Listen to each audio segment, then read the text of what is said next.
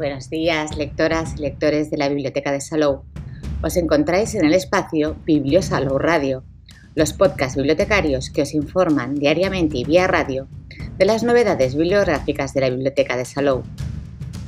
Los podcasts de los viernes os hablan de lo que podemos encontrar en las redes sobre una de las novedades de cómic del próximo mes, en este caso enero, y hoy, 10 de diciembre, os presentamos el manga juvenil de género dramático, fantástico, histórico, romántico, de acción y suspense, Requiem por el Rey de la Rosa, de título original en japonés Barao no Souretsu, con guion, dibujo y tinta de Ayakano, publicado en España por la editorial Tomodomo y con traducción al castellano de Ana María Caro.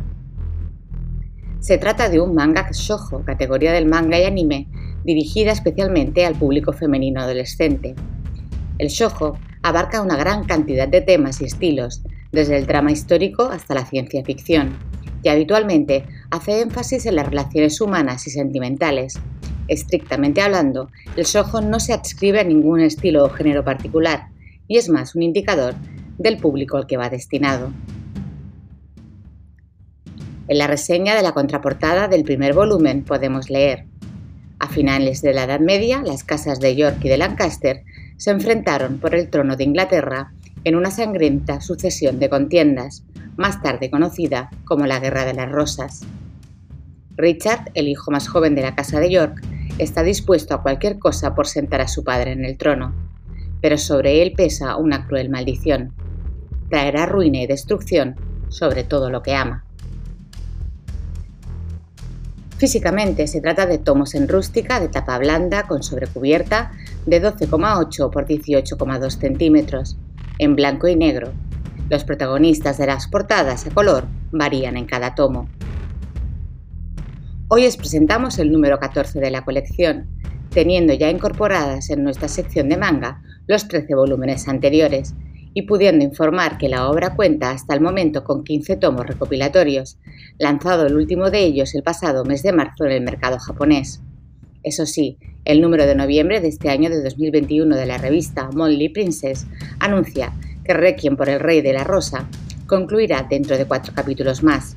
También en junio de 2021, la autora Ayakano reveló que ya había terminado de dibujar el storyboard del capítulo final. Hablemos pues de la obra. En 2018, la editorial Tomodomo anunció durante su presentación en el 24 Salón del Manga de Barcelona que en 2019 iniciaría la edición en español del manga Barao no Tsuretsu, traducido como Requiem por el Rey de la Rosa. Se trata de un manga de batallas, intrigas, traiciones. El mundo de la corte no es fácil cuando el trono está en juego, y menos si eres el hijo menor de una casa noble y guardas un secreto que puede traerte el rechazo y la, incomprensión de los demás. De todo esto hablaremos hoy en este podcast de Requiem por el Rey de la Rosa. Obra de Ayakano que ha conseguido crear una historia interesante y llena de sorpresas, de, de esas que no puedes dejar de leer, aunque siempre te tenga con el corazón en un puño. La obra se sustenta sobre la lucha entre las casas de York y de Lancaster, Richard, el tercer hijo del duque de York, lleva una vida de soledad. Nació con dos sexos y por eso su madre lo rechaza. Su padre es el único que lo acepta y lo quiere tal y como es. Pero el destino amenaza con privarlo de este pequeño atisbo de felicidad. Los suyos se ven inmersos en las luchas por el trono de Inglaterra y de pronto Richard se encuentra en medio de las intrigas de la corte. El dolor y la tragedia se instalan en su vida definitivamente para arrebatarle poco a poco todo lo que aprecia. Este es el punto de partida de Requiem por el Rey de la Rosa, una historia que tiene como base las obras shakespearianas de Enrique VI y Ricardo III. Ayocano las, las leyó y las hizo suyas al añadirles detalles históricos y sus propias ideas. Esa mezcla dio como resultado un manga que sobrecoge incluso a quienes han leído las obras originales. Hay algo, de ellas en sus páginas, sin embargo los personajes son distintos, la trama es diferente en muchos aspectos. Ese es uno de los encantos de este manga. Es una adaptación muy personal, sí, pero funciona a la perfección. Ayakano ha sabido dar una vuelta de tuerca a los personajes y su historia para reflejar temas que siempre le han interesado como la identidad de género. Y además mantiene la intriga del lector, que se deja llevar y asombrar por la trama. A medida que avanzamos en la lectura nos vamos adentrando en esta corte inglesa que Ayakano ha recreado con sus pocas luces y sus muchas sombras, nos las muestra como un escenario en el que muchas veces importan más las apariencias, ya que pueden convertirse en el camino que lleve al éxito. El poder es un premio muy atractivo y todo vale para conseguirlo. Pero no basta con un argumento sorprendente para que un manga funcione. Una buena historia necesita siempre unos buenos personajes que la hagan avanzar. Requiem por el Rey de la Rosa también destaca en este aspecto.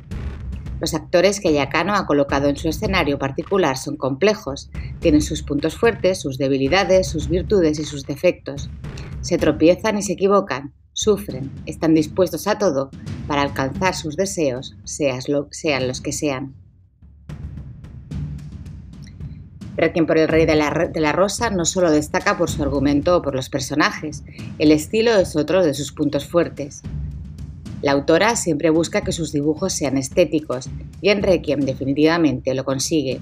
La ambientación y el diseño de los personajes están muy cuidados y consigue reflejar a la perfección lo que cada uno siente en todo momento, algo indispensable en un manga que nos habla de pasiones y de odios. Pero no solo eso, cada elemento tiene su lugar en el manga, es una pieza más en el puzzle de la historia. Los detalles en los que se fija, los planos de los personajes que escoge, todo está al servicio de la trama. Ayakano además sabe muy bien cómo utilizar otros recursos para que Requiem sea un regalo visual, por ejemplo el simbolismo. En algunas de sus viñetas emplea metáforas muy interesantes para incidir en los sentimientos y la situación de determinados personajes. Con el podcast de hoy, apuntamos que este es un manga al que sin duda hay que darle una oportunidad por muchos motivos. Unos personajes memorables, una trama que engancha, un dibujo increíble y desde la biblioteca de Salou os animamos encarecidamente a que lo leáis si no lo habéis hecho ya. Y esperamos que lo disfrutéis muchísimo. Si sois de los que después de leer los mangas devoráis también su versión anime, estáis de enhorabuena. El sitio oficial de la adaptación animada del manga Requiem por el Rey de la Rosa ha confirmado que la serie se estrenará el 9 de enero de 2022 en la televisión japonesa.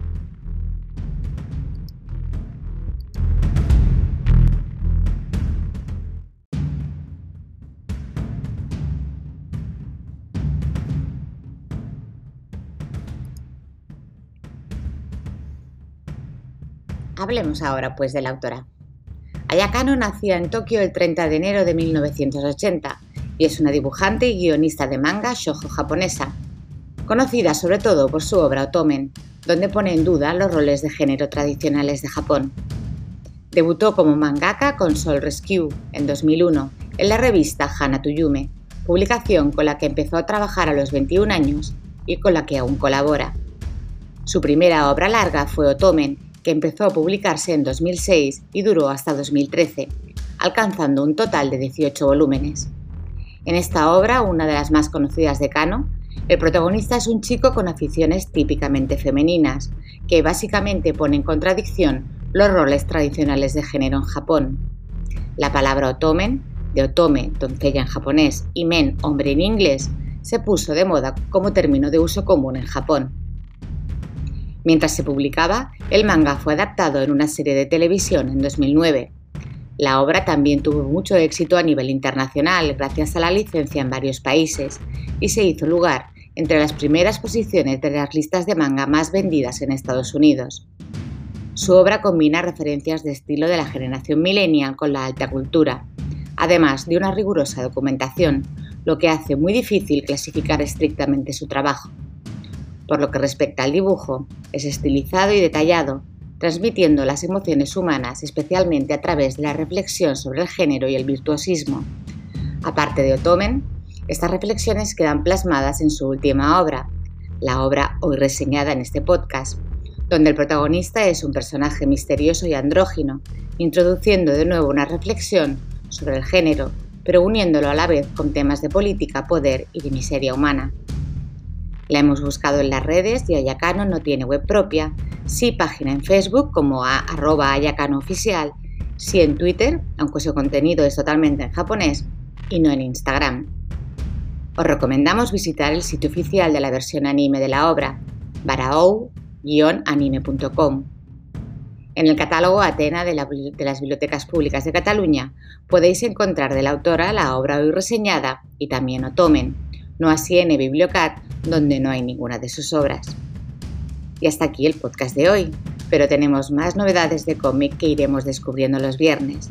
Que tengáis muy buen día y muy, muy, muy buenas lecturas que os acompañen en el día a día.